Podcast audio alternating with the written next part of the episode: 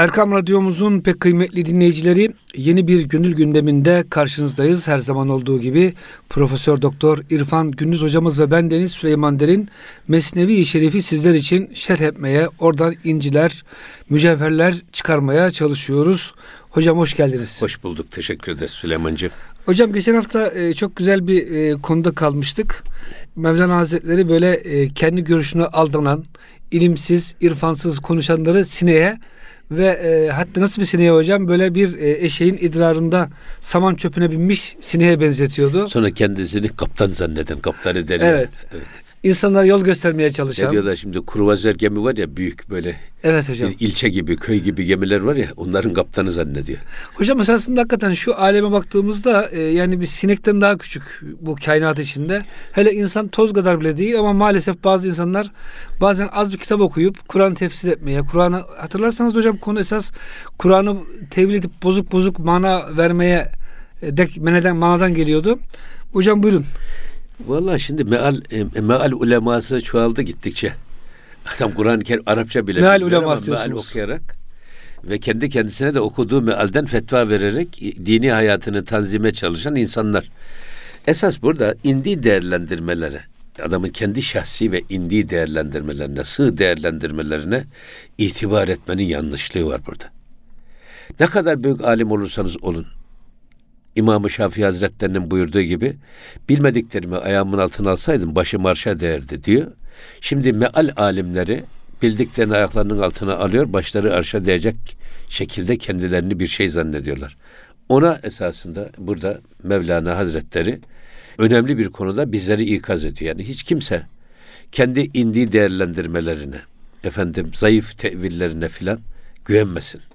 Hocam Mevlana mutlaka bir bilene sorsun. Evet. Niye Cenab-ı Hak niye istişareyi emretmiş? Şura nedir? Ve emruhum şura beynehum ve şavirhum fil emr. Niye? Allah'ın Resulü ashabını toplayıp istişare ediyor, soruyor. Bu konuda sizlerin düşüncesi nedir? diye soruyor. Allah'ın Resulü, Allah'tan vahiy alan bir peygamber, kainatın efendisi böyle yaptığı halde niye biz bir bilene gidip sormuyoruz ki? Yolumuzu doğru yola çevirelim ya da doğru gidelim, yürüyüşümüz doğru olsun. İşte burada çok ciddi bir konuda bizi uyarıyor Hazreti Pir. Ve burada şunu söylüyor bakın. Manet ahvalet bedan turren bekes. Esasında bu tip kendi tevili şahsilerine hani dinleyicilerimiz de biz de hatırlayalım çok güzel böyle evimize bir hattata yazdırıp da asılacak kadar kıymetli söz Kur'an-ı Kerim'i ve hadisi şerifin manasını kendi zaaflarına, alışkanlıklarına göre eğip bükerek yorumlayacağına sen kendini, kendi yanlışlarını, heva ve hevesini değiştirerek kendini Kur'an-ı Kerim ve sünnete uydurmaya çalış. Şimdi biz minareyi çalmışız. Çaldığımız minareye ayet ve hadisten kılıf bulmaya çalışıyoruz. Halbuki sen böyle yapacağına kendi nefsinin yanlışlarını, heva ve hevesini değiştir. Esas kul olarak bizim görevimiz bu. Hatta bunun devamında da eğer diyor böyle bir sinek kendisini eşeğin küçük abdest üstündeki saman çöpünün üstünde e, deryalarda gezen bir kruvazör kaptanı gibi zanneden adam yerine koyan o sinek eğer bu anlayışından vazgeçerse diyor o başına devlet kuşu konmuş günahsız bir insana benzer. Bak bir insanın kendi yanlışından da dönmesi lazım. Vazgeçmesi. Şimdi ben öyle adamlar görüyorum ki mesela bizim anlı şanlı bir iş adamımız dedi ki bize ya dedi benim günde iki rekat namazım var dedi. Sabah namazlarında kılarım iki rekat. Her gün bir düble viskimi çekerim dedi. O da bir perşembe cumaya bağlayan gece cumanın yüzü hürmetine içmem. Bir de cuma namazlarını kılarım. Benim Müslümanlığım budur dedi. Kendince bir din uyduruyor. Ha ben de dedim ki ya dedim beyefendi dedim siz Allah'ta sizsiniz madem. Peygamber de sizsiniz dininizde kendi canınızın istediği gibi dizayn ettiğinize göre sizin yerinizde ben olsam bunları da kaldırırım dedim. Sabah da niye kalkıp yoruluyum ki? Ne? Haşa. Böyle bir Haşa şey. değil mi hocam? Bu mantığa bakarsanız. Olmaz böyle bir şey yani. Olmaz. Yani herkes kendi canının istediği gibi bir şey olmaz. Festagım kema ümirte buyuruyor efendim Cenab-ı Hak. Emrolunduğunuz gibi dostor olun. Bak biz bizden istenen Allah'ın bizden istediği gibi doğruluktan sorumluyuz. Canımızın istediği gibi doğruluk değil. Kim yanlışta yürüyorum diyor ki. Herkes canının istediği gibi bir doğruluğun peşinden gidiyor. Hocam Yok öyle bir şey. en sapık insan bile görüşlerini öyle beğeniyor ki evet. ona göre kendi görüşleri dünyanın en büyük efendim düşüncesi, Amen. felsefesi. Amen. Amen. O yüzden işte bak senin böyle düşünen bir insanın ahvali diyor esasında işte bu eşeğin küçük abdest üstündeki saman çöpünün üstüne konmuş da kendisini büyük bir gemiyi ummanlarda yüzdüren kaptan zanneden sineğe benziyor.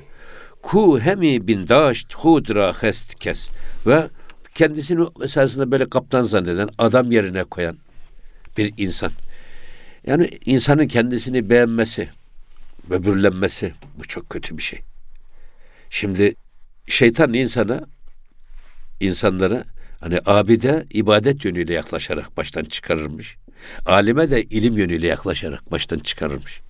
Alime diyor ki ya sen oho sen diyor bak unun eledin elini duvara astın senin eline dökecek su dökecek bir adam mı var? İmam-ı Azam dediğinde kim ya daha o dün yaşadı filan. Böyle başkalarını hor ve hakir görerek kendisini hep popollayarak ve büyüterek adamı baştan çıkarır. Abidi de ibadet yönüyle baştan çıkarır. Gurur ve kibire sevk ederek. Esasında Hazreti Mevlana da bizi böyle bir yanlışlıktan, böyle bir böbürlenmeden, efendim bir varlık vehminden bizi kurtarmaya çalışıyor.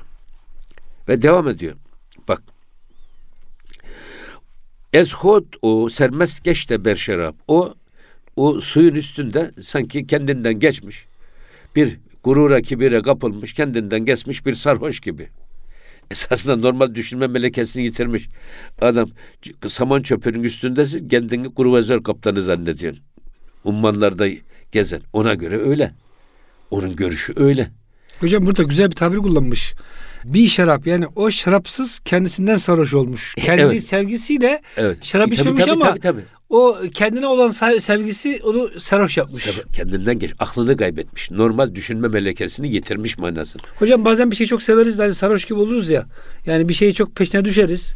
Ya şimdi Mevlana'nın bu konuda da belki daha gelmedi ya da geldi bilmiyorum. Söyle Hı. okuduk mu? Buyurun hocam. Cenab-ı Hak her haramın cezasını her içki içenin sarhoş olup da yerde süründüğü gibi sarhoşluk da cezalandırsaydı.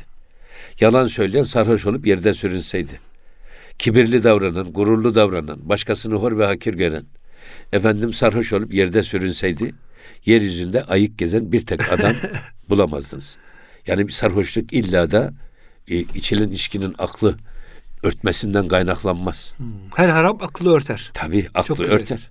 Zaten şeyde iki ifade var. Bir hamur var, bir hamur var. Birisi noktasız, birisi noktalı. İnnemel hamru. Felyedribne bi humurihinne. Şimdi hamur insanın kafasının içini örten demek. Sarhoşluk Mayalanmış içki. Aklı örten. Hımar, hamur da başörtüsü. İkisi de örtüyor. Felyadirip ne bir o da dıştan örtüyor. Birisi makbul, birisi makbul evet, değil. makbul değil. O yüzden yani sarhoşluğu illa da içki sarhoşluğu gibi değerlendirmek doğru değil. Zafer sarhoşluğu var. İnsanın kendi kendini beğenme sarhoşluğu var. Evet. O yüzden enaniyet en kötü şey. Yani ben, ben demek, benlikten uzak durmak lazım. Kendisiyle sarhoş olmuş adam hocam. Evet. Böyle diyor Mevlana. Şimdi halbuki diyor e, zerre-i hudra kendisini zerre kadar ufacık varlığını ne zanneder? Bedide afitap. Sanki güneş zannediyor adam. Ben bir güneşim diyor. Şimdi bu İbni Kemal Paşa için söylerler. İbni Kemal için meşhur Şeyhülislam. Mesela çok gururluymuş kendisiyle hiç kimse yaklaşamazmış yanına üstadın. Böyle bir e, hırpani kılıklı bir derviş geliyor. Ya üstad diyor bir maruzatım var müsaade buyurur musunuz? Buyur müsaade sizden buyurun. Ben diyor işte 50-60 yıldır düşünüyorum, düşünüyorum, düşünüyorum. Bir neticeye varamadım da zaten bu konuda fikrini sormak istiyorum. Nedir o? Cenab-ı Hakk'ın ilmi ezelisiyle bütün mahlukatın Hani Hazreti Adem'den kıyametin sonuna kadar gelecek tüm alimlerin, peygamberlerin, efendim meleklerin, cinlerin neyse bütün onların ilmini bir kıyaslamaya çalıştığımda bir türlü bir netice varamadım. Siz ne buyurursunuz deyince İbn Kemal hemen orada bir büyük bir kara tahta var. Yanında bir de tebeşir hemen almış. La teşbih ve la temsil. Şu kara tahta demiş. Eğer Cenab-ı Hakk'ın ilmi ezelisi ise şu nokta da demiş. Senin bu dediklerin tüm mahlukatın ilmidir. Madem öyle demiş. Bu noktanın içinde İbn Kemal'in ilmine kadardır efendim demiş. Ya. Öyle deyince. Ya bırak onu bu noktanın hepsi senin olsa ne yazar demiş bak. Yani. Bırak biraz mütevazi ol demiş bak. Ümmet rahat sana yanaşsın dertlerini sorsun. Kimse senin yanına gelemiyor. Abdestsiz yaklaşamıyor. Soru sormaya cesaret edemiyorlar. Biraz yanağını yere indir diyor. O zaman anlıyor ki İbni Kemal ha bu hırpani kılıklı derviş kendisini ikaza gelmiş. Eyvallah hocam. Şimdi burada da aynı şey söylüyor. Kendisini diyor bir zerre zerre gibi ufacık bir nokta gibi varlığınız kendi kendisine bir güneş gibi görüyor. Yani insanlar böyle bir şey maalesef yani. Kendi yavrusunu her anne şey gibi görür, anka kuşu gibi görür. Kartal yavrusunu, karga yavrusunu anka gibi görür. E doğrudur da. Yani ama insanın bu konuda belli bir ölçüsü, belli bir edebi, adabı da olmalı. Sana kendisini dünyanın en makbul, en muteber adamı gibi zanneden bir adam. Bu doğru değil. Ama en kötü, en ahlaksız bir adam olarak kabullenmek de doğru değil. Burada bizim ölçümüz nedir? Diyor ki bütün insanlar cehenneme gidecek olsa, bir kişi cennete gidecek olsa acaba ben o olabilir miyim ümidini taşıyacak insan. Ya da bütün insanlar cennete gidecek, bir kişi cehenneme gidecek. O da ben olabilir miyim acaba endişesini de duyacak içinde. Yani kesinlikle böbürlenmeye, büyüklenmeye, kibirlenmeye aynı zamanda bir aşağılık kompleksine, bir ezikliğe de düşmeye gerek yok. Dengeli olacak hocam. Dengeli olacak. Eyvallah. Evet. Zaten adaleti öyle yorumluyorlar bizde değil mi? Adalet bir işi yerli yerinde kullanmak.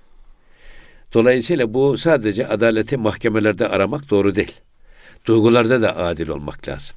O da nedir? Ne ifrat ne de tefrit. Ya biz orta yol.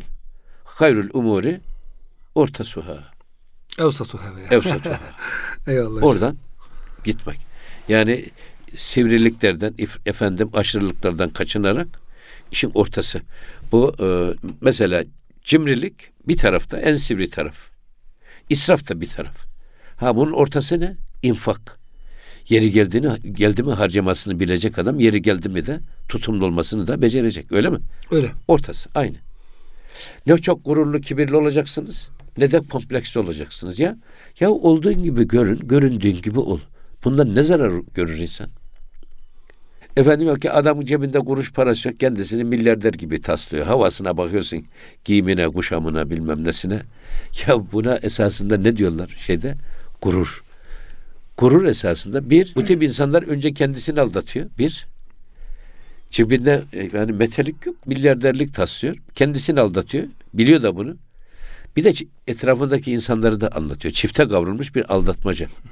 La yegurrannekum billahil garur. İşte o aldatma meselesi, aldanma meselesi. Önce biz kendi kendimizi aldatmayalım. Hocam çok güzel bir hikaye var Mesnevi de.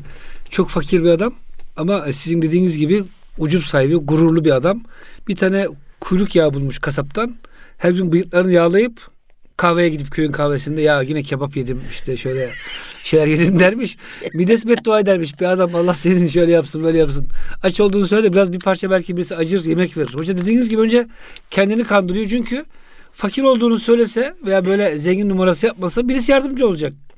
O yüzden hakikaten önce zarar kendisine ama işte. Güzel yani.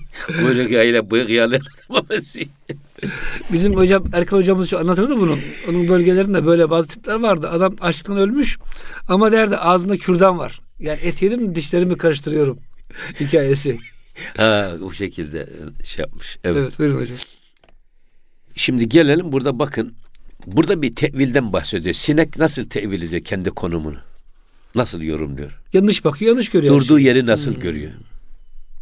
Esas tabi burada şimdi tevil ve tefsir derken Hazreti Mevlana'nın karşı çıktığı tevil esasında tevili batıl.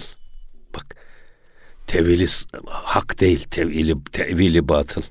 Şimdi Kur'an-ı Kerim'in üslubunda yani her lafı herkesin anlayacağı şekilde açık seçik ortaya koymaz. Bazıları var muhkemdir. Her okuyan aynı şekilde anlayabilir. Bazıları müteşabihtir.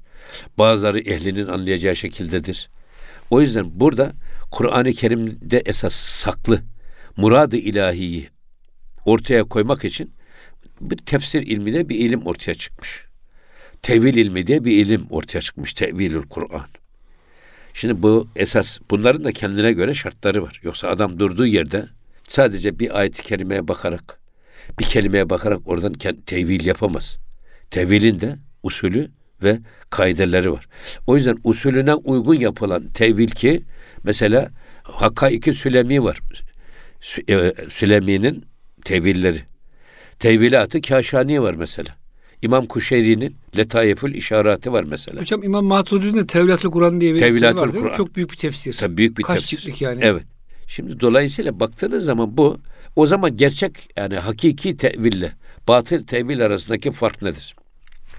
Bir, siz bir ayet-i kerimeyi farklı bir şekilde yorumlamaya çalışırken o ayetteki geçen kelimelerin biri ya da ikisinin lafzı manalarının böyle bir yoruma sizi götürmeye müsait olmaz.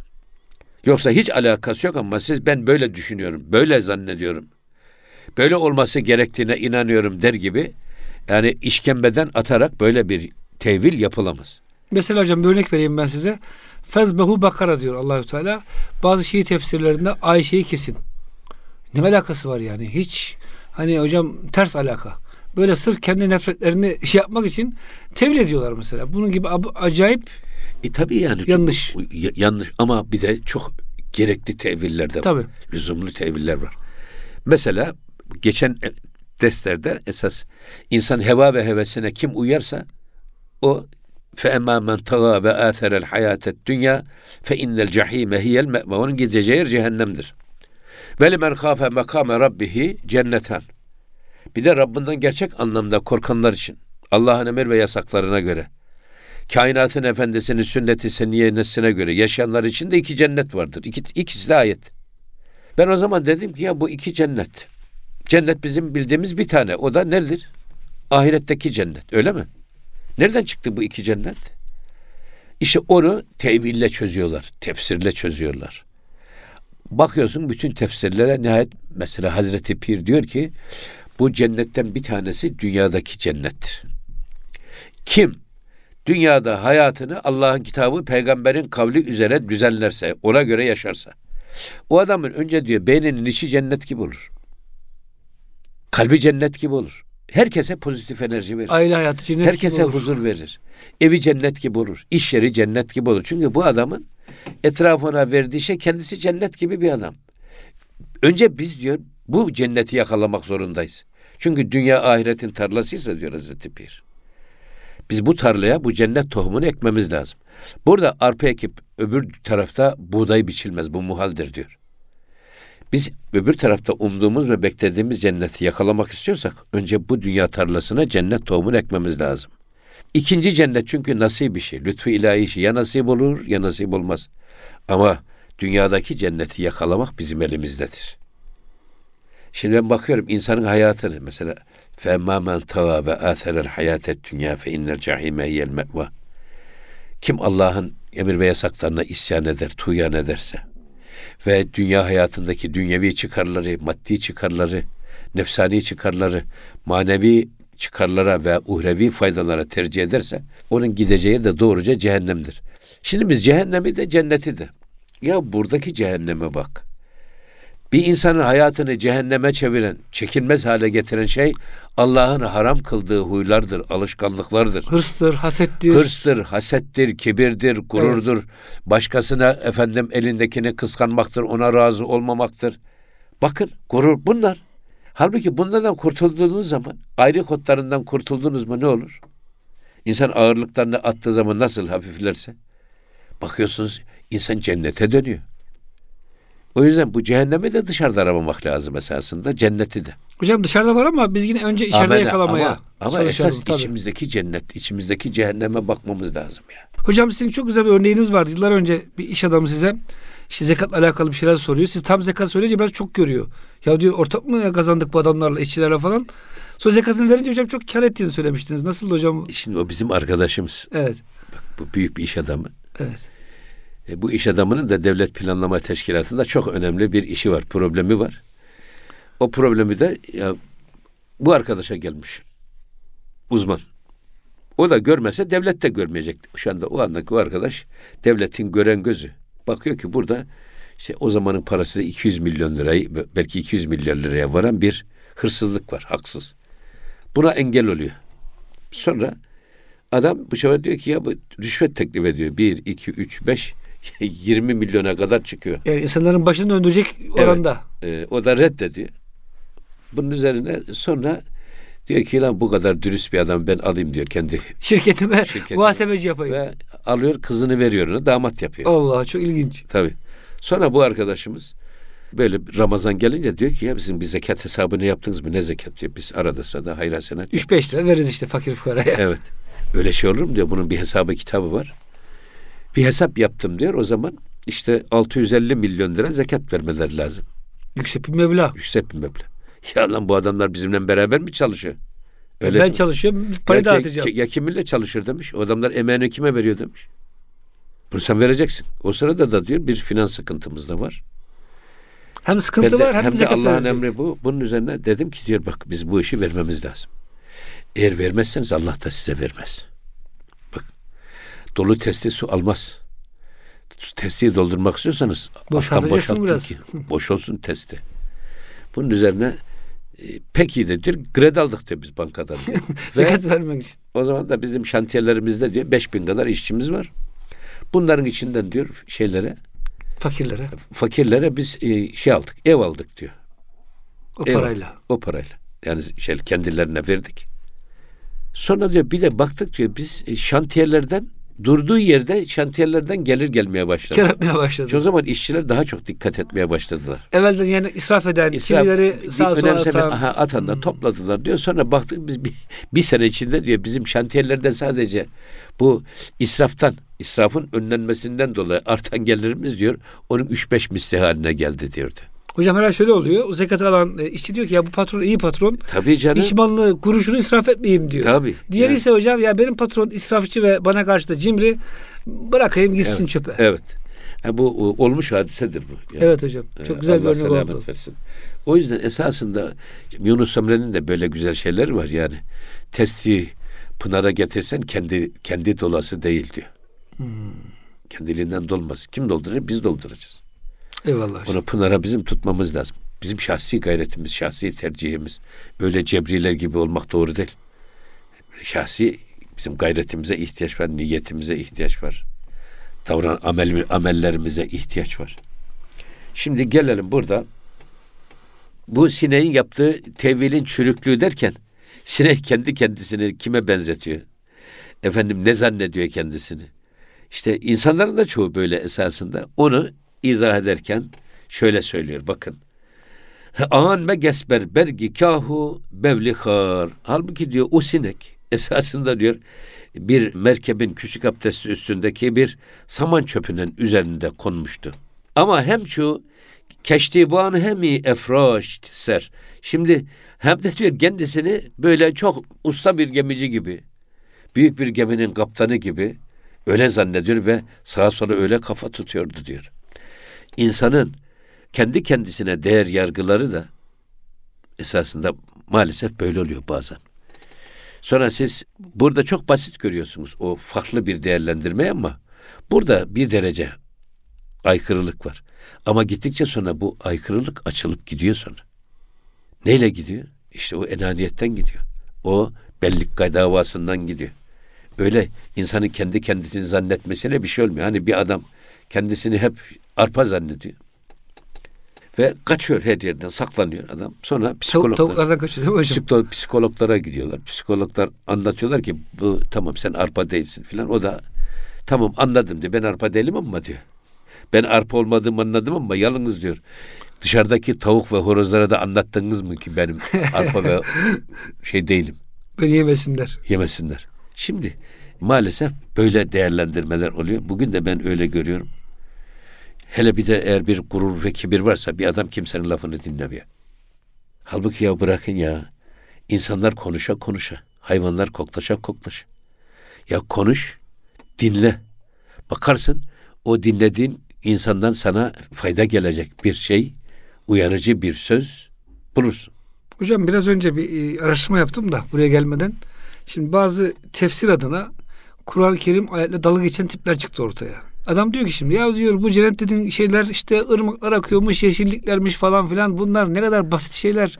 Halbuki hocam bugün bile değil mi? Herkes havuzlu villa, yeşillikli bir bahçesi olan, çimeni olan yer aramıyor muyuz? İnsan psikolojisi ne kadar güzel hitap ediyor. Hocam aklınca beğenmiyor Allah'ın teklif vallahi, ettiği. Vallahi bakın Süleymancığım bir defa bizdeki bu cennet tasvirleri bizim şehirciliğimizde de idol olmuş, model olmuş. Bizim İslam medeniyetinde şehircilik cennete benzeyen yerleşim şey, birimleri kurma yoluna gidilmiş. Mesela İslam medeniyetinde siz bir yere yerleşmek istiyorsanız sırtınızı dağa, önünüzü ırmağa, ovaya veya denize vereceksiniz. Ama şimdi ne yapıyorlar? Şimdi ne yapıyorlar? En güzel tarlaları, en güzel tarımsal arazileri iskana açtılar. Oralar ev oldu, fabrika oldu. Halbuki hatta bir, bir tane o zamanın siyasi lideri öyle söyledi. Biz patates tarlalarından Toyota yetiştiriyoruz diye hava atıyordu. Ben o zaman kendisine dedim ki ya evet patates tarlasından Toyota yetişir ama Toyota tarlasından patates yetişmez. Hocam bu öyle bir patates öyle yükseldi bir, görüyorsunuz değil mi? Toyota'ya geçti patatesin fiyatı son ha, zamanlarda. Öyle bir gün gelir ki siz o patatesi yetiştirecek tarlaya çok ciddi ihtiyacınız duyabilirsiniz. O yüzden Allah ve cealnel nehara maaşen ve cealnel leyle libasen orada bir şey var. Ve cealnel cibale evtaden.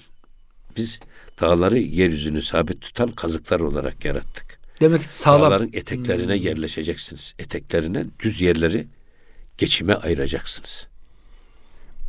Bu aynı zamanda orayı cennete benzeyen cennet gibi yerleşim birimleri, köy, kasaba, şehir kuracaksınız. Bu bir idealdir. Sadece eviniz değil, sadece içiniz değil. İçimizi de cennet gibi yapacağız, evimizi de cennet gibi yapacağız. Ama köyümüz, ilçemiz, ilimiz de cennet gibi olacak. Hatta dünyayı cennete çevireceğiz. Eyvallah hocam.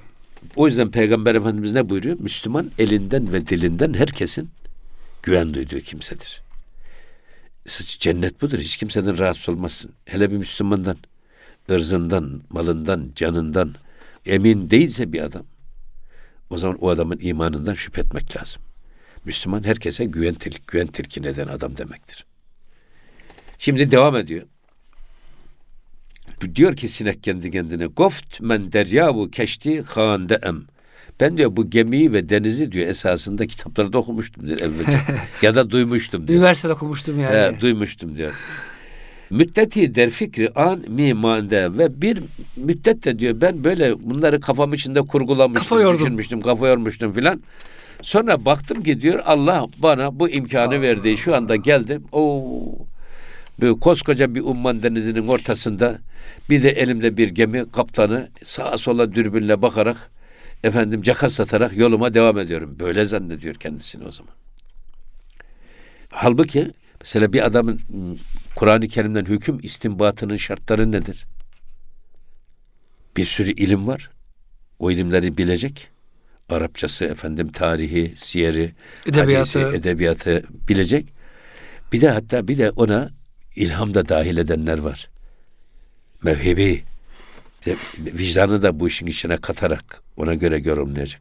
Şimdi adamın bildiği yanıldığına yetmez ama adam kendi kendisine televizyonlarda şunlarda bunlarda oturduğu yerde ahkam kesiyor. Hele bir de şimdi bir sosyal medya diye bir şey çıktı. Herkes kendi kendisini istediği her şeyi yazıyor. Kendi kendine hocam televizyon kurup kendi kendine spikerlik yapan işte evet. düşünürlük yapan tipler var. Evet maalesef. Gibi. Yani, maalesef. O yüzden ben de bunları diyor böyle bir, bir müddet böyle düşünmüştüm. Şimdi gelelim bakayım ne diyor? İnek in deryavu in keşti umen. İşte bu derya, işte bu gemi, işte ben diyor bak. Hatırımdan hayalimde hep süslediğim şu anda kaptanlık elimde. Kaptan pazu bandı da elimde. Ne diyor? Merdi keştibanı ehli raizen. Şu anda tam böyle usta bir gemici kaptanı benim ve yoluma da o şekilde devam edip gidiyorum. Böyle bir havada kendisini zannediyor. Ve yine devam ediyor. Berseri derya hemi randu amet. O deryanın üstünde, denizin üstünde o böyle sallanı sürüyordu. Sanki o evet. e, e, yelkenliler var ya orta direkliler, evet. direkli yelkenler açarlar.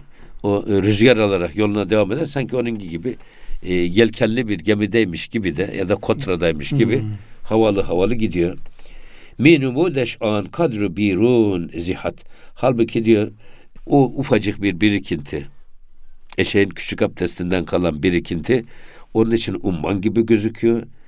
Sanki gözünde hadsiz, sınırsız dünyanın en büyük büyük okyanusu gibi gözüküyordu. Böyle değerlendiriyordu.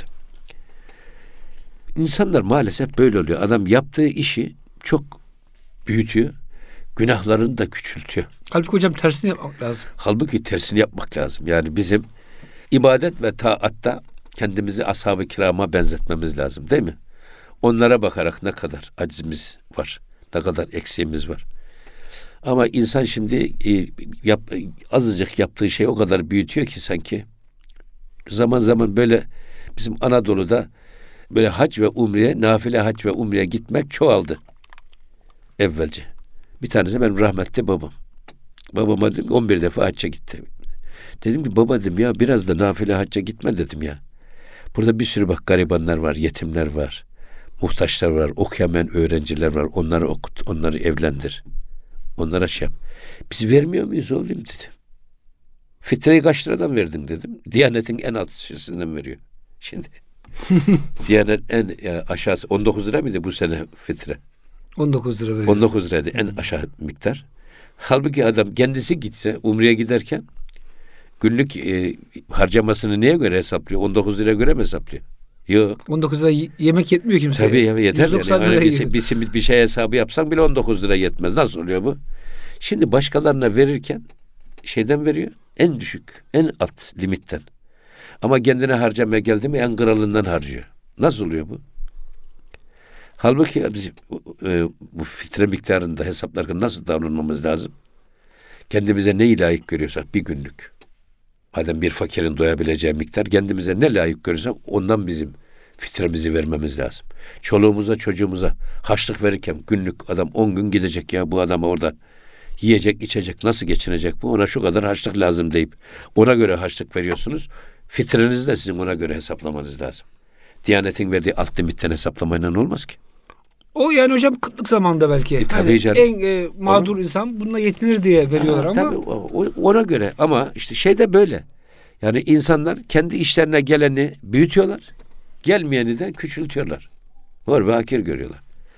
Bunlardan kurtulmak lazım. Allah korusun.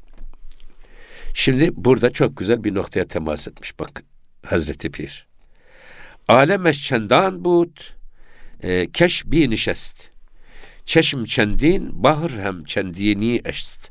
Çendini eşt. Çendini şest. Bak. Esasında herkesin alemi diyor. Alemi kendi görüşüne göredir. Bak. Alemeş çendan bud keş bi neşest. çok Bi güzel hocam ya. Herkesin büyük Herkesin alemi gör- görüşüne göredir. gözüne göredir. Evet gözüne göredir. Çeşmi çendin e, bahri hem çendini şest. Şimdi ve gözüne kadarsa denizi de o kadardır. Gözüne göre, görüşüne göre bir dünya. Yani adam gerçekten bir bodrum kattan dünyaya bakan adamın değer yargısıyla, değerlendirmesiyle 10. kattan dünyaya bakan adam 50. kattan bakan adam hangisinin ufku daha geniş olur? O yüzden hani vizyonu büyük tutmak lazım. Ufku geniş tutmak lazım diyorlar ya. Adam kendi kendisine işte bir sineğin böyle bir su birikintisinin üstündeki saman çöpünün üzerine konduğu zaman kendisini en usta büyük gemilerin kaptanı gibi zannetmesi gibi bir şey. Adam kendi kendisini böyle zannediyor. Halbuki gerçek hiç öyle değil. O yüzden realist olmak lazım. Ee, mesela biz e, suya kendi çıplak gözümüzle baksak su çok lezzetli bir su. Berrak bir su. Peki mikroskopla baktığımız zaman nasıl görürüz o suyu? İçerisinde neler var neler yok. Öyle değil mi? Hatta hocam diyor ki Mevlana deniz suyuyla diyor normal su bile aynıdır. Bardağa koysanız Tabii, ancak- anlayamazsınız ama An- içince diyor anlaşılır. İçince anlaşılır. Bir de ehli anlar ancak. Aynı. Ehli anlar. Ama burada gerçekten esas Mümtaz Tarhan var. Bizim sosyolog. O diyor ki insanlar gözleriyle değil gönülleriyle görürler. Şimdi burada Mevlana da sık sık buna temas ediyor. Yani bizim bir can gözümüz var, iç gözümüz. Bir de ten gözümüz var, bu gözümüz. Ten gözünüz açıksa can gözünüz kapalıdır. Yok, ten gözünüz kapalıysa can gözünüz açıktır. Bunlar birbirlerinin yolunu keserler. Şimdi burada insanın hayat görüşü gözüne göredir, gördüğüne göredir diyor ya. O Mümtaz Tarhan tutmuş bir sinemaya doldurmuş insanları ve oradan bir perdeden bir pencereden baktırıyor değişik adamlara. İtfaiyeciye baktırıyor. İtfaiyeci bir bakıyor diyor ki burada diyor e, yangın çıkışları çok eksik böyle bir ani bir çıkış gerekse insanların çoğu diyor birbirlerini ezere görür. Yanar ölür evet. Bir başka bir artisti getiriyor. Burada diyor benim buradan kendilerine baktığımı bilseler diyor bu burası alkıştan yıkılır diyor. Herkes kendince bakıyor. Ondan sonra geliyor bir imam efendiye baktırıyor. Burada diyor dini duyguları çok zayıf gözüküyor bu insanların diyor. Filan. Ve en sonunda şunu söylüyor. Aynı şeye bakıyorlar ama aynı şeyi görmüyor insanlar. Ya gönülleriyle görüyorlar. Burada da esas insanın gözüne göredir derken o gönlündeki değerlendirmeye göre adam gözü öyle görüyor, onu öyle yorumluyor. Gördüğünü öyle yorumluyor. Hocam Avni Konuk'ta okumuştum herhalde. Güzel bir örnek vermiş. İskender e, bütün dünya fethediyor biliyorsunuz. En son işte İran'ı falan fethetmiş. Hindistan'a gidecek. Oradan bir tanesi diyor ki ben senin yerin olsam padişahım diyor. Ne gerek var? Oturur keyfime bakardım deyince. İskender hocam cevabı çok güzel. Ben de senin yerin olsaydım aynı şeyi yapardım diyor. Yani senin kadar küçük himmetli, küçük görüşlü bir adam olsaydım ben bir kere İskender olmazdım. Ama senin gibi olsaydım senin gibi düşünürdüm tabii ki. Evet doğru. O yüzden hocam büyük düşünmek, himmeti âli olmak diyor tasavvufta biz. Yani manevi konularda hocam himmetimizi ve isteklerimizi yukarıda tutmak gerekiyor halde. Tabii yani, o, yani insanın hem hedefi hem vizyonu yüce olmalı. Yani mesela ben derler ya balık gölde büyür. Siz göle açılacaksınız. Bu bir su birikintisine niye kendini hapsedip duruyorsun? Mesela köyde, köyde yaşamak neredeyse küfre yakın olmaktı diye bir hadis-i şerif var. Ben bunu önce diyeyim ya böyle hadis-i şerif mi olur? Halbuki bakıyorsunuz insanların birbirlerinin tanıdığı yerde ben bu hasetlik, dedikodu oluyor, gibi, evet. dedikodu her şey var bir bir de cahillik oluyor zaten orada alim şimdi, olmuyor. Orada alemi yok. Şimdi Tabii. okuyacaksın imkan yok. Doğru. Ama yani ne kadar açılırsan o kadar büyüyorsun. O kadar imkanlar önüne seriliyor. Dolayısıyla insan kendisini geliştirmek istiyorsa ufkunu da geliştirmeli ve ona göre de adımlarını ona göre atmalı. Bu. O zaman hocam bugün şöyle bitirelim dersimizi. Ee, insan kendini geliştirmek istiyorsa hocam ufkunu açacak büyük insanlarla büyük mekanlarla, Kamil insanlarla, evet. evet kamillerle beraber olmalı. Evet. Muhterem dinleyicilerimiz e, gönül gündeminde bize verilen sürenin burada sonuna gelmiş olduk. Lütfen bizi takip etmeye devam edin. Bir sonraki programda buluşuncaya kadar hepinizi Rabbimizin affına, merhametine emanet ediyoruz. Hoşçakalın efendim.